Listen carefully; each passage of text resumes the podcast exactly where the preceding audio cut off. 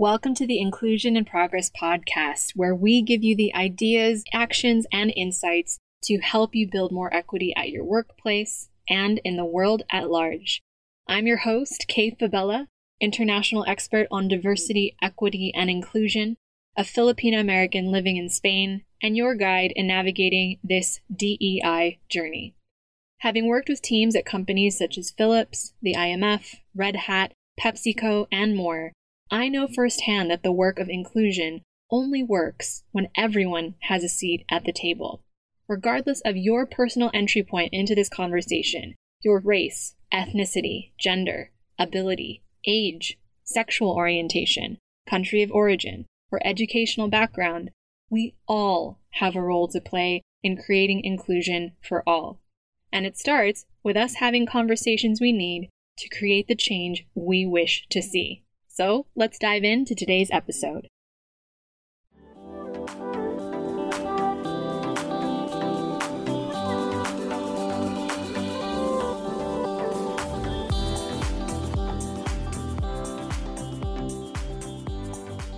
Hello again, and welcome to the show, and a warm welcome back to our repeat listeners. We have been very excited to hear how many of you who've reached out and are sharing that you've actually been circulating these episodes with your friends and colleagues who are just as passionate about equity and inclusion work as we are. So, thank you for that. Every little bit helps to get the show out to the people who'd most benefit from a more inclusive world.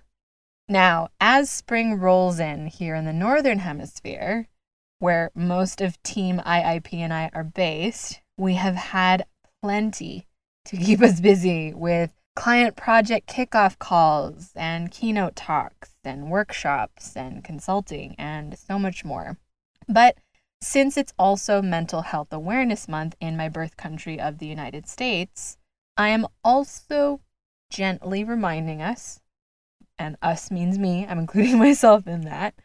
to reserve time in our calendars for rest and recharge time so that we can continue to model the type of well being that we preach and really talk about to our clients. It's one of the reasons why, rather than scaling up,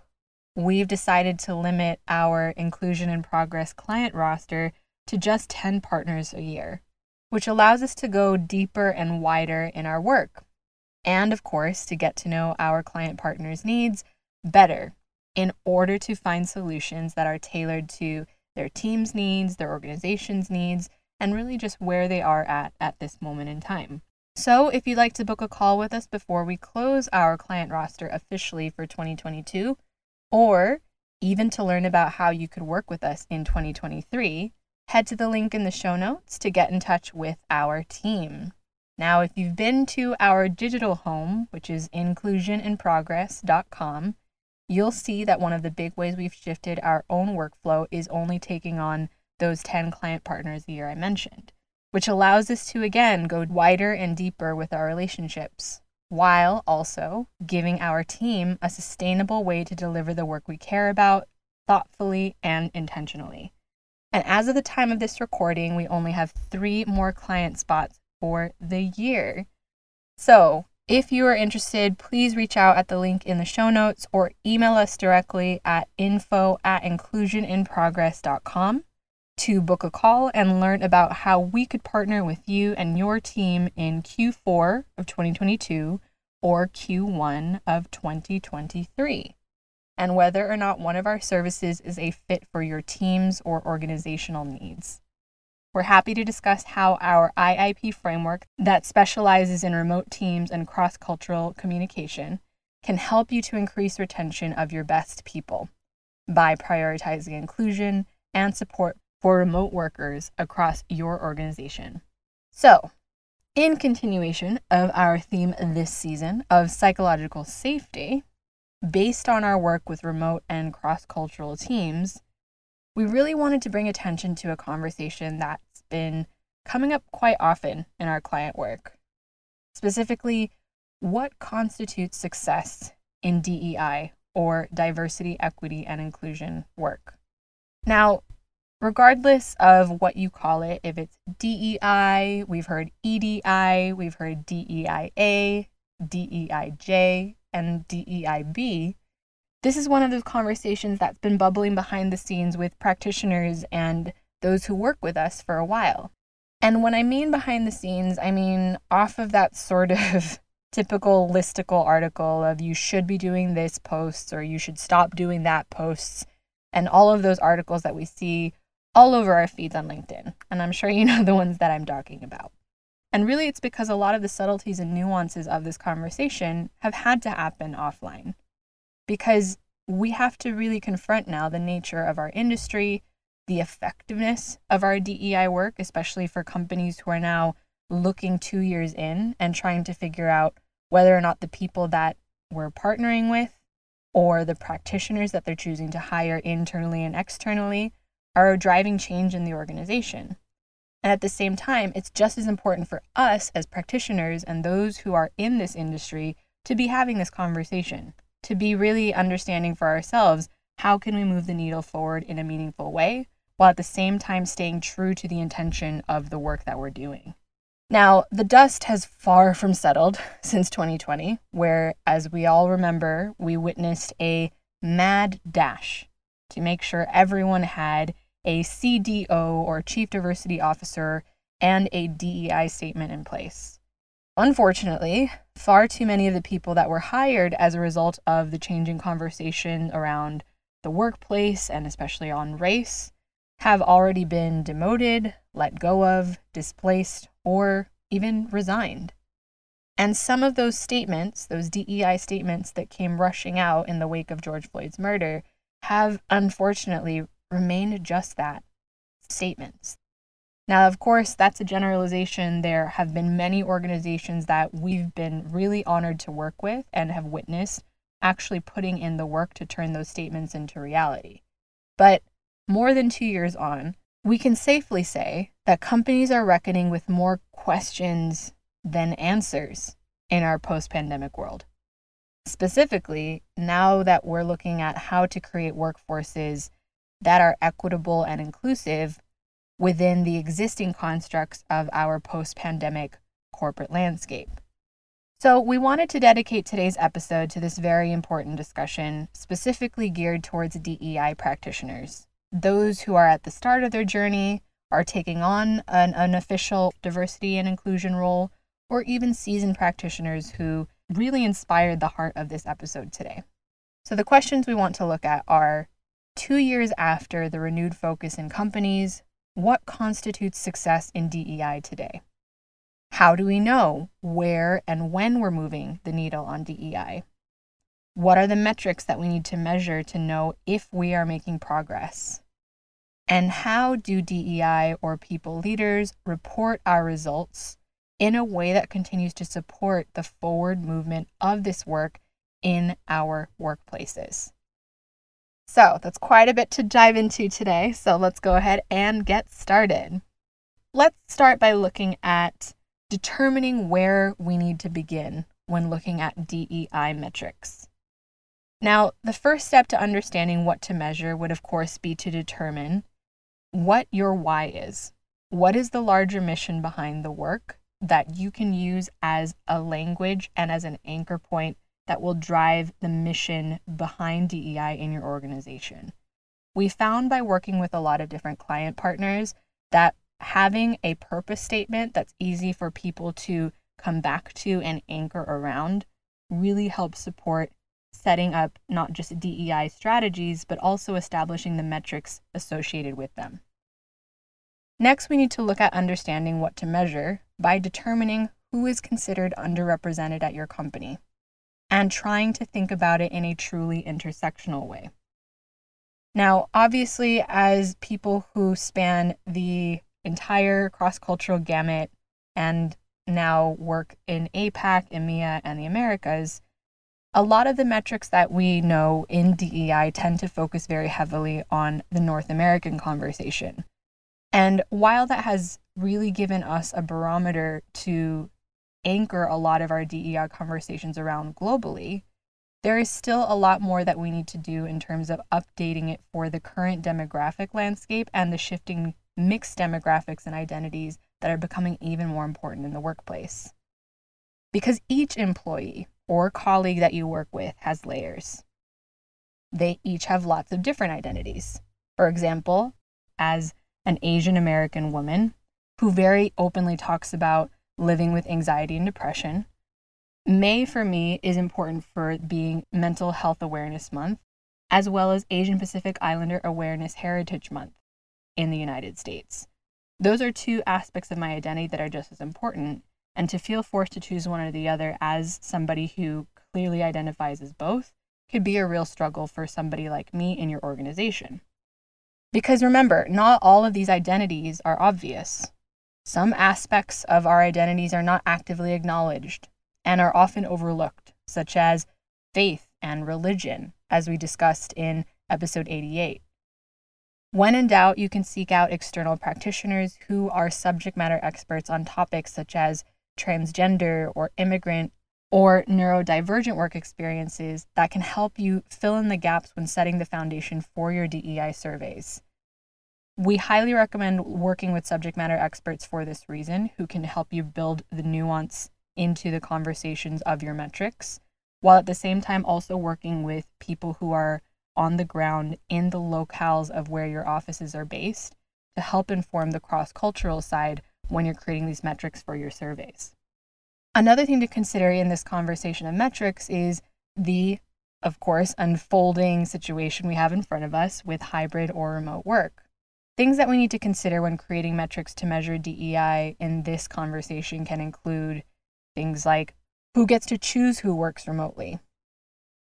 Another thing to also consider in the hybrid or remote work conversation is things along the lines of metrics that support whether or not DEI is continuing to be pushed forward, regardless of whether it's virtual or in person. You could also be looking at things in the remote conversation, such as focusing on outcomes versus outputs, how effective managers are at fostering psychological safety, and the likelihood of their leadership leading to greater retention on your teams. Now, when thinking about metrics, however you slice this, it's critical to look at how to measure DEI in a way that's appropriate for your workforce and for your unique goals as an organization. How you roll out a DEI strategy as a fast growing scale up of 250 that's looking to focus on, say, recruiting more diverse candidates will be vastly different from how you apply DEI to your workforce of 250,000 that may be looking more at promotions and succession planning for future leaders. With that in mind, your people will require different needs to achieve success at your company, which is where that E in DEI for equity comes in. Equity is about understanding what you need to do to raise the floor for people with different starting points, with different lived experiences, and of course, the non work roles and responsibilities that affect their performance to achieve whatever success metric that you've defined for DEI in your organization.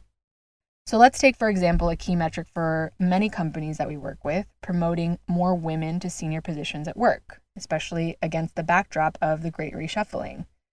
So, if we're looking at things like how to increase women, we say very broadly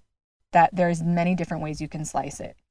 How are we recruiting? How are we retaining them? How does our pipeline look like?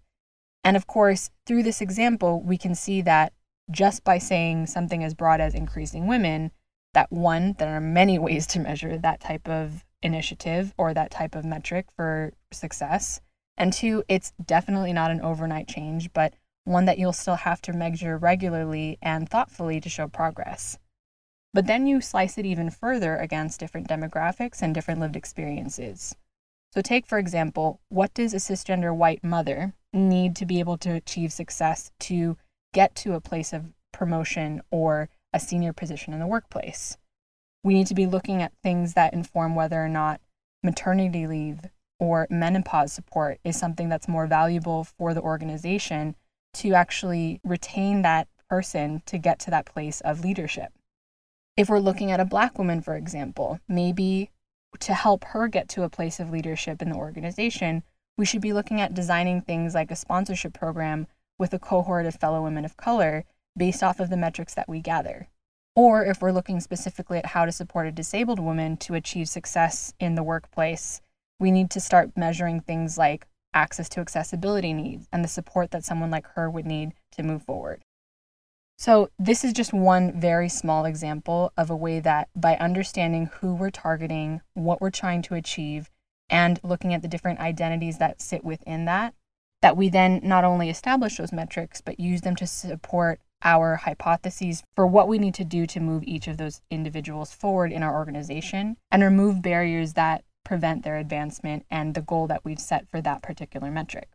So, once you identify which groups or populations are considered underrepresented in your company and the goals you wish to achieve to support them in greater representation, then it's up to you to look at how to survey them ethically and establish a baseline that aligns with your DEI goals as an organization. Now, you'll use those initial results as a benchmark in future surveys to measure how far your equity and inclusion efforts have come. So, we've given some examples of DEI metrics way back when in episode 9, three ways to meaningfully measure inclusion, which you should definitely check out later after this episode. But broadly speaking, most client partners that we work with tend to focus on one of the following R's in DEI for metrics recruitment, retention, and representation across their company. But ultimately, the metrics that you establish come down again to the cultural makeup and maturity level of DEI in your organization. In these cases, it helps to start with a personal statement, as I mentioned before, of what you would like to achieve with DEI. An example of this would be something like I want to create a workplace where people feel psychologically safe to share their best ideas, to communicate openly, and contribute their best work both virtually and in person. So, with that type of personal statement in mind, an example metric would be helping measure psychological safety with how individuals respond to the statement I feel safe to bring up problems or discuss challenges at my company and measuring that metric and those responses over a period of time. A metric that would help measure whether or not people feel like they can communicate openly would be asking a question around whether or not your historically excluded talent groups are aware when internal promotion opportunities are available, as well as a metric such as the likelihood that their managers put their names forward for those opportunities. And a metric that would help measure if your teams are putting forward their best work from anywhere is measuring whether or not those who work in the office environment are more likely to have higher performance ratings than those who've chosen to work remotely full time. This is just one example because perceptions of inclusion, as we know, are heavily rooted in each person's individual experience and their feeling of psychological safety in the workplace. We also know that perceptions of workplace culture can also differ dramatically from person to person, even if they're working in the same role or department. These types of perceptions aren't just challenging to monitor or qualify, they need to be regularly reassessed through things such as pulse surveys or small focus group follow ups between your larger surveys. Which is why this is an even more important thing to thoughtfully track and measure regularly after establishing key metrics early in your DEI journey. So, not only is it considered a best practice for you as a DEI or people lead to determine whether or not specific interventions are working, it's much easier for you as the person who then has to report that progress to demonstrate that forward movement and therefore build buy in for future initiatives that will address what's come up in your DEI survey metrics. So let's now look at what are other measures that you might need to consider beyond the basics that we just looked at. So, once you've understood where your organization is on its DEI journey and started establishing metrics that will help you move the needle forward on those three R's recruitment, retention, and representation, you can go as broad or as granular as you want, depending on the time and resources that you have available to you. So, recruitment metrics can look like how many partnerships you've built with talent sourcing or educational institutions that help you reach underrepresented talent, and how many candidates you've successfully added to your pipeline as a result of those partnerships. Retention metrics can look like how your target groups rate on their belonging, psychological safety, and performance scores, and how many of those groups are likely to stay at your organization beyond that critical three to five year mark. Representation metrics can look like how many women, people from the LGBTQ plus community, people of color, immigrant and indigenous populations. How are they represented not only in your workforce and entry level positions, but also in your leadership and succession planning. Now, a quick caveat here. We usually shy away from sharing survey templates or walking through an example of DEI metrics as in depth as this episode today. Because please remember, the show Inclusion in Progress is ultimately a free resource that we work really hard to make available to as many people as possible. But we also don't believe in providing solutions without truly understanding your needs and engaging in a meaningful client partnership with you that allows us to access not just your data, but also the subtleties and nuances of your conversation. Because to us, it's bad practice as consultants. Not only does giving you this one size fits all solution through a resource like this one mean that we're missing out on the specific needs of your company, it's irresponsible of us to give advice that we can't personally follow up with you on or support you in troubleshooting in real time after we've made the recommendation. But again, this is in the interest of providing you with different options that we can share very broadly from observing trends in the wider market, and therefore highlighting some other metrics that we've seen that might be of use to your company depending on the stage it might be in its DEI journey, and for you to then evaluate accordingly what makes the most sense for you. So, without further ado, some of the other metrics that you can consider here include things like, broadly speaking, access to rooms and resources for your underrepresented talent groups. Now, when we work with clients to measure inclusion and mapping out their five year DEI strategy, we look at two types of inclusion behavioral and structural. So, behavioral inclusion, as in how we are measuring individuals' ability to recognize and overcome their own biases in favor of more inclusive behaviors in the workplace. Things like allyship and engaging in difficult conversations and giving and receiving feedback. The key question that we look at here is are we promoting and permitting behavior that allows everyone to access what they need to contribute their best work and ideas? And when we look at structural inclusion, as in how are we actually making the systems and processes at work more equitable and transparent to mitigate or even prevent bias from happening in the first place, where we look at things like codes of conduct, company culture, channels to deliver anonymous feedback if necessary. The key question here is how are we correcting for and eliminating bias as a company to provide rooms and resources for all of our team members to be able to reach their full potential. Then we map out things like learning pathways that will support their organization in achieving said behavioral change, as well as specific interventions that we'll need to test, tweak, and tailor to make the structures more conducive to equity and inclusion at work. So, some of the ways that you can consider measuring structural changes include things like how are we incorporating more diverse perspectives in how we hire, from where we source our talent from to how diverse our hiring panel of interviewers are.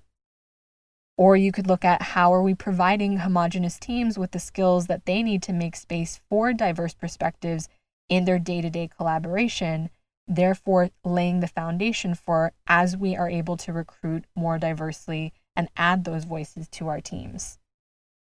We can also look at how are we removing structural barriers to advance people across different employee identities that we have identified as underrepresented. And then looking at those types of questions and determining the tangible actions and outcomes that come from identifying those structural metrics for your DEI strategy. Some of the ways that you can start measuring behavior change include things like how many reported incidents of harassment or discrimination there are and whether or not they are falling from year to year at your company, or how effective your company is at implementing inclusive language. For example, as we're seeing the ongoing conversation that's being led in the open source community in tech and about removing language that is considered intrinsically exclusive. You can also look at how high is your team's tolerance for mistakes. How likely are individuals to acknowledge accountability when they make an error, which is critical to the psychological safety that teams need to share their ideas and innovate together and then determining based off of those metrics tangible actions and outcomes that come from identifying those types of behavioral metrics for DEI. Finally, let's look at how you can measure metrics in an intersectional way by dialing into three core areas team performance versus individual performance, cultures and geographies, and how hybrid and in person workplaces can also affect perceptions of performance. Now, it's no secret here that one of the key measures that we use in DEI, specifically about whether or not a person is somebody that we should put forward for a promotion or advancement in the organization, is how we rate their performance. So, if we look at the first thing here, team performance versus individual performance, we need to be understanding if we are accurately measuring equity and access to opportunity for individuals or whether or not we need to look at how their team dynamic is working with each other and preventing them or promoting them as well. For instance, when we're looking at performance specifically, depending on the different ways people prefer to work or present themselves in a one on one setting versus a team setting versus a virtual asynchronous setting, they may be comfortable with presenting a different version of who they are which affects others' perceptions of their performance and therefore influences bias. Or depending on whether or not a team's identities include people with different physical abilities, lived experiences, such as those who are people of color or immigrants or have neurodivergent conditions, and how understanding that a combination of any of those things affects your style of communication in a work setting, which also affects perceptions of your performance by really trying to get granular and understanding the lived identities and experiences, those that we see and don't see, and the intersections of both of those in our teams, we can start looking at how we gathered more accurate information and set meaningful metrics for DEI. Now let's take a look at how cultures and geographies can affect how we measure performance. The question here is Are we accurately measuring equity and access to opportunity, or do we need to correct for cultural biases in our data? For example, the different ways that cultures and individuals respond to authority, and whether or not they're accurately reporting performance metrics outside of the home country context of where the company is based. Those who are from North America tend to rate themselves and their direct reports higher on a 1 to 10 scale, with 10 being the highest rating, than someone from the APAC or EMEA region. Or another example depending on where you are in the world, you may be less likely to insert yourself into an important team conversation if you're worried about interrupting someone. Or you're less likely to contribute to a meeting without seeing an agenda beforehand, especially if you're coming from a different country or cultural or linguistic context, which will also affect whether or not someone accurately judges your performance and puts you forward for a promotion and your own career advancement. Now, by partnering with someone or expanding an on the ground team who can inform you on the intersectional experiences of your talent with that cross cultural or multi geography lens, this is another way that you can correct for bias in your metrics and set meaningful metrics for increasing equity and inclusion at work. Finally, let's take a look at how hybrid versus in person workplaces can also affect perceptions of performance. So, if we're looking at equity in the in person work context, we need to be looking at things like how are we making sure that our office environments are designed for accessibility, such as there not being physical barriers or having the proper chair or desk arrangements as needed, and people being able to use the bathroom without concern, and how that's affecting metrics of belonging and inclusion, and also their performance and those who perceive their performance in the workplace. If we're looking at things like the equity and remote work conversation, we need to be looking at making sure that it won't affect their career advancement if they're not there in person. such as mothers or caregivers being overlooked for promotions because they've chosen to work 100% remotely.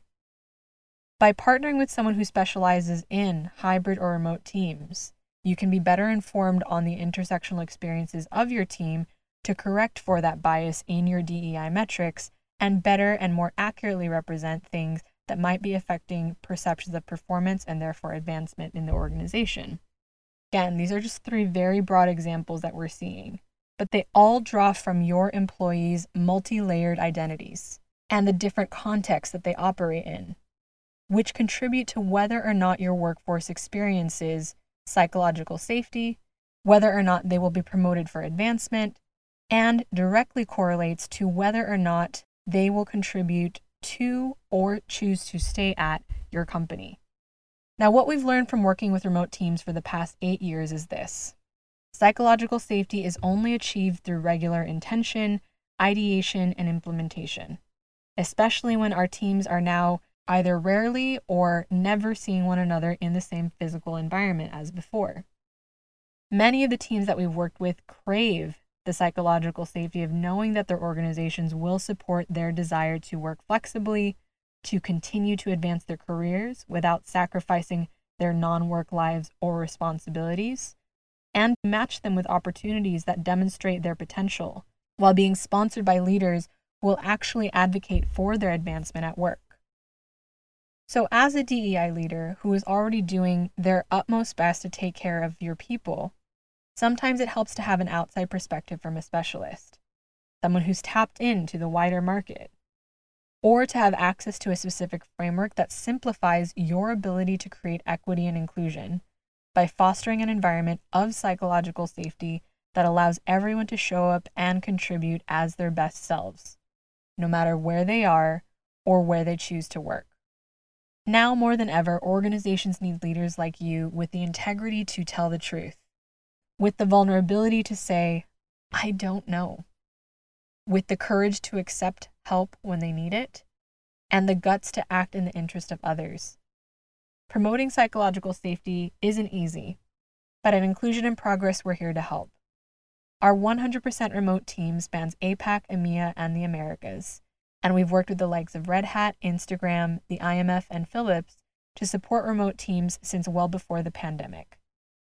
Using our psychological safety framework for remote teams, we partner with DEI leaders to define and implement working agreements that foster inclusion for virtual workplaces, all while having an open discussion about what's necessary for your team to thrive. So, if you'd like to learn more about how to utilize our psychological safety framework for remote teams, as a client partner of ours to help boost morale and engagement at a time where your people need it most. Head to the link in the show notes to get in touch with our team or email us at info at inclusioninprogress.com. We've just opened up slots for consulting and training for Q4 and Q1 in 2023. So, before we close our calendar for the rest of 2022, we would love to share how we could partner with you this year to foster inclusion for your remote teams. Last but not least, how do we measure and share progress on the metrics that we have? And of course, this comes down to first looking at what is a reasonable time frame for us to be measuring these things. Depending on what your key focuses are, what metrics you're focusing on, and whether or not you've been able to successfully eradicate or remove potential bias in gathering those metrics, then you need to start looking at how often you're actually measuring, how often you'll report, and how often you'll actually make those results available. So if we're looking at things like quarterly timeframes, some of the specific behavior interventions we could look at reporting on quarterly are things such as how many employees have gone through anti bias or bystander or allyship training. Specific structural interventions that we can look at on a quarterly basis include things like how many managers have set, committed to, and achieved their DEI targets, particularly around putting people forward for promotions. If we're looking at things like yearly reports, this is where really leaning into our employee pulse surveys as well as our behavior interventions that we've decided to implement really comes into play. So, for behavior interventions, we could look at things like active allyship actions demonstrated by our workforce, such as the number of underrepresented candidates that were referred to by your existing workforce, or examples of where you saw people actually implementing allyship and bystander training and incorporating that into their performance. Structural interventions that you could look at reporting yearly are things like how many barriers have we removed in the recruitment, onboarding, and promotion process to pave the way for advancement for the groups that we're targeting for greater representation in our organization. And when we're looking at things like beyond every year, every two to three years, we can start to dial into specific behavioral interventions such as how our culture is shifting, how many leaders are modeling inclusion by participating in DEI initiatives, such as attending and advocating and promoting ERG groups and programming, or engaging actively in sponsoring or mentoring underrepresented candidates. If we're looking at things like structural interventions, we can start looking more broadly at how our efforts in terms of removing barriers to access are leading to greater numbers of historically excluded groups represented in leadership and in our talent pipeline.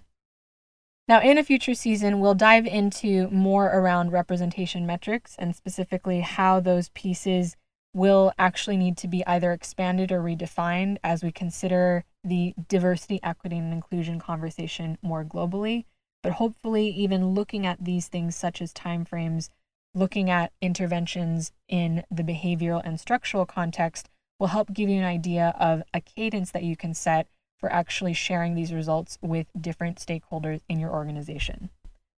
Then, of course, we have to look at how to communicate these metrics to your organization.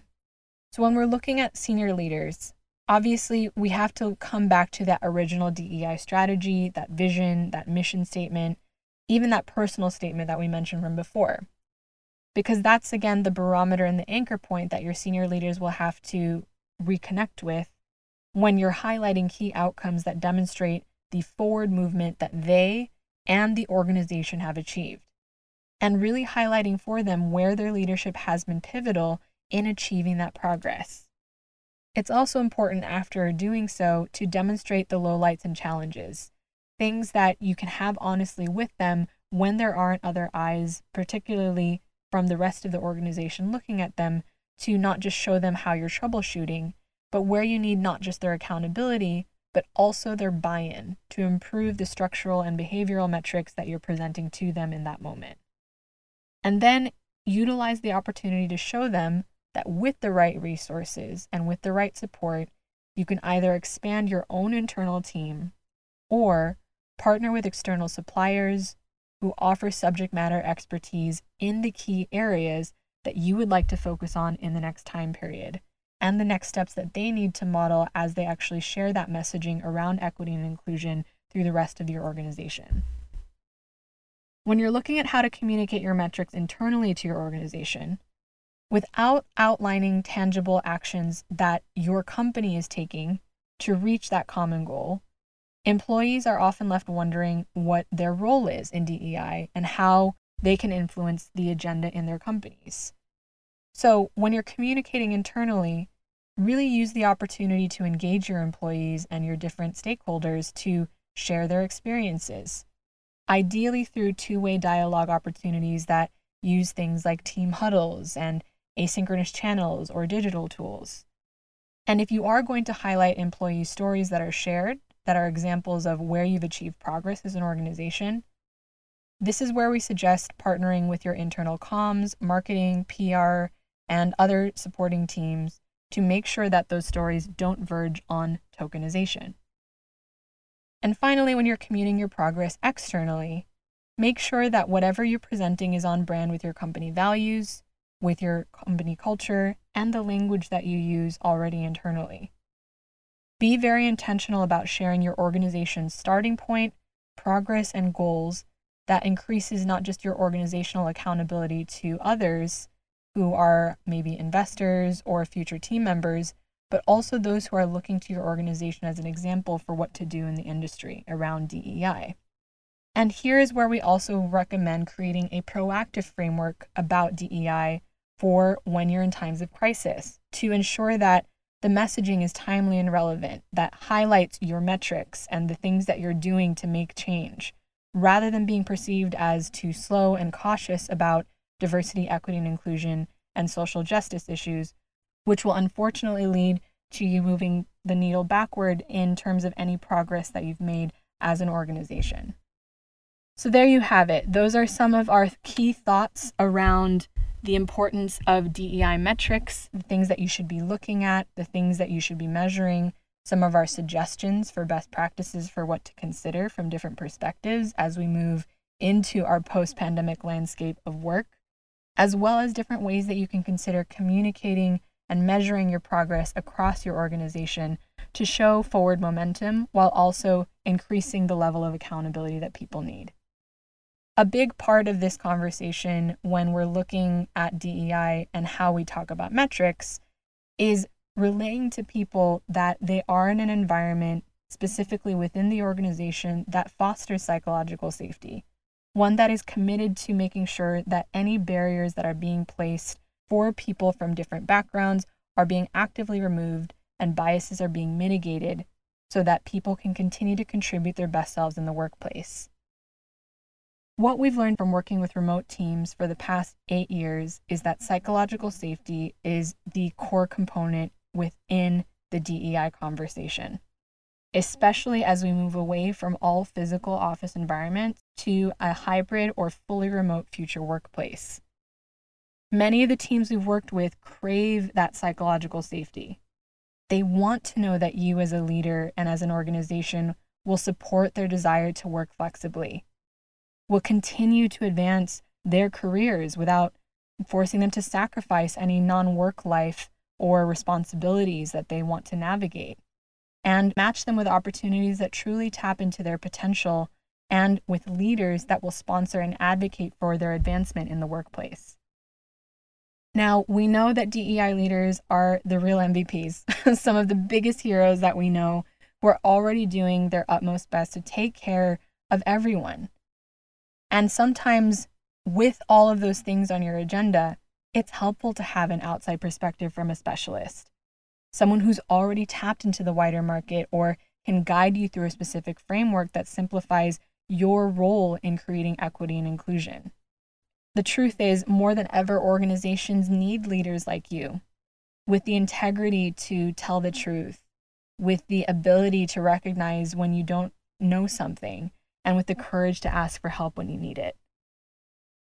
Promoting psychological safety, as we know at Inclusion in Progress, isn't easy, but we're here to help.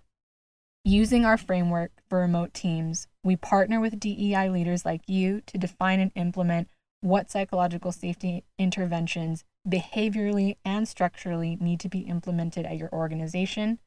to foster inclusion for your virtual workplaces while having an open discussion about what's necessary for your team to thrive in the future of work. So, if you'd like to learn more about how to utilize our psychological safety framework for your remote teams as a client partner, head to the link in the show notes to get in touch with our team or email us at info at inclusioninprogress.com. We'd love to share how we could partner with you this year to foster inclusion for your remote teams at a time that's critical for organizations as we navigate the future of work. So, with that said, thank you so much for listening again to the podcast. Wherever this finds you, we hope you're well. And as always, please share with those who'd most benefit from a more inclusive world. Thanks so much for listening, and we'll see you next time on Inclusion in Progress.